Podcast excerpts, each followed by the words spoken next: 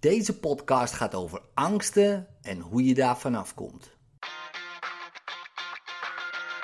Welkom bij de Edwin Selei podcast. Voor inspiratie, stimulatie en motivatie om je dag goed door te komen.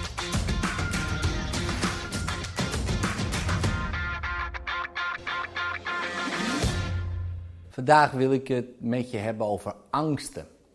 Angsten zijn interessant natuurlijk, omdat het uh, ons kan belemmeren, uh, omdat het ons veilig houdt, omdat het ons beschermt. Uh, maar ja, waarom hebben we in godsnaam angsten? Nou, daar kunnen we natuurlijk een hele uh, discussie over aangaan. Ja, waarom hebben we die angsten? Wat, wat is het nut daarvan? Um, een onderzoek die ze hebben gedaan met mensen die uh, geen angst hebben, die zijn er. Dat is een uh, defect in het brein. Dus niet dat je denkt van, hé, hey, maar ik ben ook nergens bang voor of zo. Dat wil niet zeggen dat jij geen oerangsten hebt. Dus je kan wel denken dat je nergens bang voor bent, maar als we jou in een hok stoppen met, met een tijger, dan moeten we nog maar zien hoe jij reageert. Maar er zijn mensen die zijn echt nergens bang voor. Uh, omdat ze een defect hebben in hun brein. Een defect klinkt een beetje gek natuurlijk, maar ja, die zijn gewoon nergens bang voor. En, en wat dachten ze uh, van die mensen? Dat die extreem gewelddadig dan zouden zijn. Want ja, ik bedoel, als je nergens bang voor bent, dan ga je allemaal gekke dingen doen. Dat was een beetje de theorie. Maar het schijnen de meest liefdevolle mensen te zijn uh, die je maar kan tegenkomen. Want ze zijn nergens bang voor. Denk daar eens over na. De meest liefdevolle mensen zijn nergens bang voor. Nee, niet bang voor afwijzing, uh, niet bang om niet gewaardeerd te zijn of wat dan ook. Nee, dit zijn hele vriendelijke, geweldloze mensen. Um, en wat blijkt, de mensen die heel gewelddadig zijn, zijn juist extreem bang. Denk daar maar eens over na.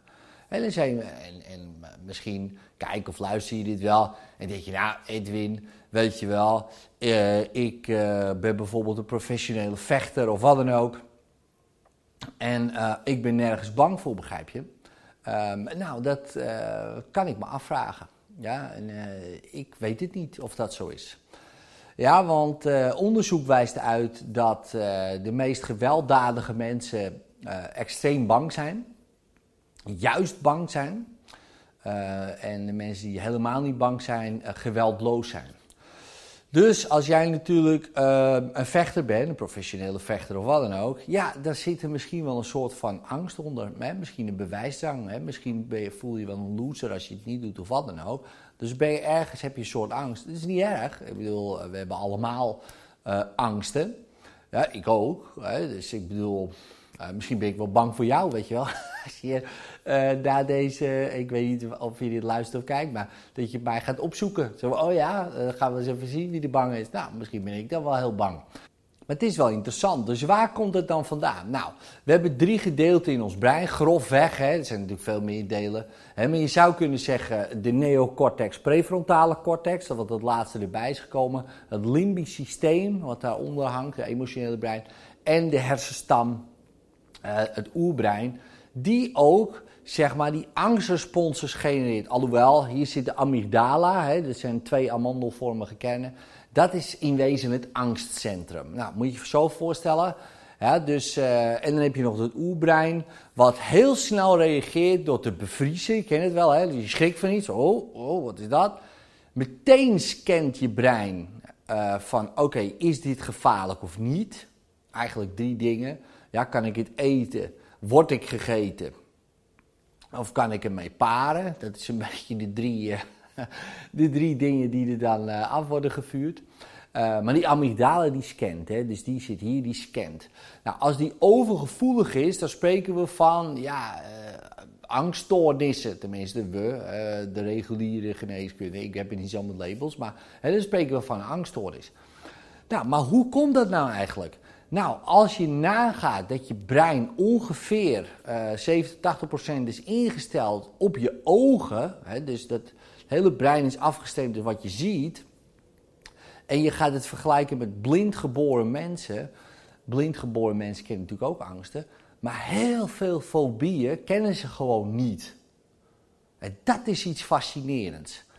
Ja, heel veel kennen ze niet. Ze kennen natuurlijk wel angsten. Zo, oh, weet je, wat gebeurt er allemaal? Wat dan ook, tuurlijk wel. Maar dat komt dan van geluiden. Ja, heel anders. Dus de meeste ideële angsten kennen ze helemaal niet. Hoogtevrees kennen ze niet. Um, claustrofobie kennen ze niet. Ja, dus... En dat zijn toch wel de meest voorkomende... Spinnenangst kennen ze niet, weet je wel. En dat zijn de meest voorkomende angsten uh, die er zijn. Spreekangst kennen ze ook niet, weet je wel. Dus dat is fascinerend. Natuurlijk kunnen er altijd uitzonderingen zijn op de regel. Ja, ik bedoel, als je als een ervaring hebt meegemaakt uh, waarbij angst ook uh, kwam, ja, dan wordt dat gekoppeld aan die ervaring. En dan voelen ze zich daarna ook bijvoorbeeld bang voor spreken in het openbaar of wat dan ook. Maar als je het allemaal naast elkaar gaat leggen, dan zie je wel duidelijke verschillen tussen bijvoorbeeld blindgeboren mensen en mensen die kunnen zien. En dat is fascinerend, want dan merk je dat misschien 95 of misschien wel 96 procent van alle angsten die wij zouden kunnen kennen, zouden kunnen kennen, wat, eh, wat is zo interessant hè, uh, zouden kunnen kennen, kennen die blindgeboren mensen niet.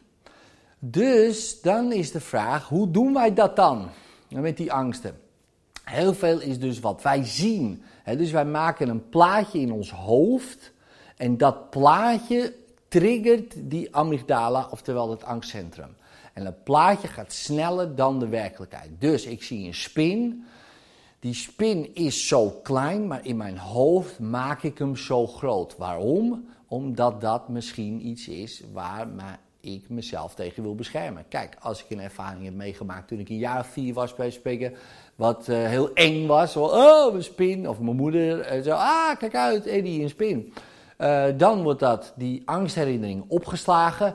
Die amygdala, die trigger, die, die scant op beestjes met acht poten. En als iedereen ziet, pling, ding, ding, ding, ding, dan neemt mijn zintuigelijke informatie de korte route.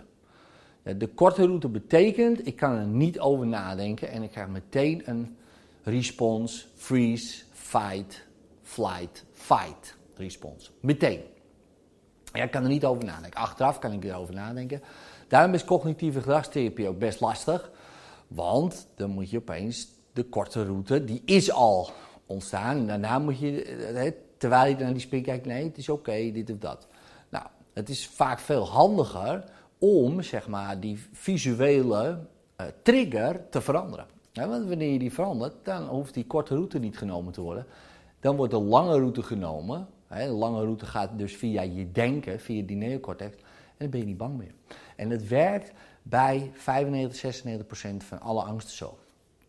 De meeste zijn allemaal visuele triggers. Nou, soms, soms is het zo ja, dat het een ervaring natuurlijk is. Vaak, vaak ook wel hè, angstherinnering. Nou, wanneer je die verandert, is het ook weg. Maar heel vaak kan je al kijken naar de triggers. En die zo veranderen in je hoofd, zodat het beeld anders wordt in je hoofd. Nou, dat trainen. En dan gaat die amygdala, die wordt minder gevoelig. Op een gegeven moment niet meer gevoelig. En dan is het klaar. Nou, hoe kan je die doen? Ja, wat belangrijk is, is om te beseffen, is dat jij dit zelf doet. Ja, niet dat je iets hebt, hè, oh, ik heb een van de angststoornis. Nee, jij doet het zelf. Dan is de vraag, hoe doe je het? Ja, dat is dan de vraag natuurlijk. Nou, stel je voor, kan je je de skyline van New York voorstellen? Nou, dat kan je misschien wel voorstellen. Nou, hoe groot is dat beeld? Nou, stel je voor, je hebt zo'n, even in de camera zo, hè. Je hebt zo'n groot beeld hè, van die skyline van New York. Nou, misschien wel zo groot, of groter. Hè, maar we zeggen zo groot. Nou, stel je voor je haalt die hele skyline eruit en je doet een hele spin daarin voor in de plaats. Ja, dan word je super bang. Hè?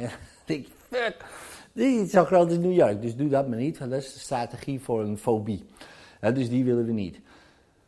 Stel je voor je hebt die spin zo groot. Oh, zo'n spin. Dan zeg je, oké, stel je voor dat die spin op een tafel zit. Dus nu moet die tafel ook in dit beeld gepropt worden. Nou, wat gebeurt er automatisch met die spin? Die moet op die tafel, die wordt automatisch kleiner. Wat gebeurt er hier in je hoofd? Oh, valt mee.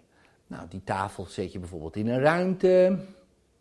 Die ruimte zet je bijvoorbeeld in een huis. Nou, en voor je het dan heb je een hele skyline van New York.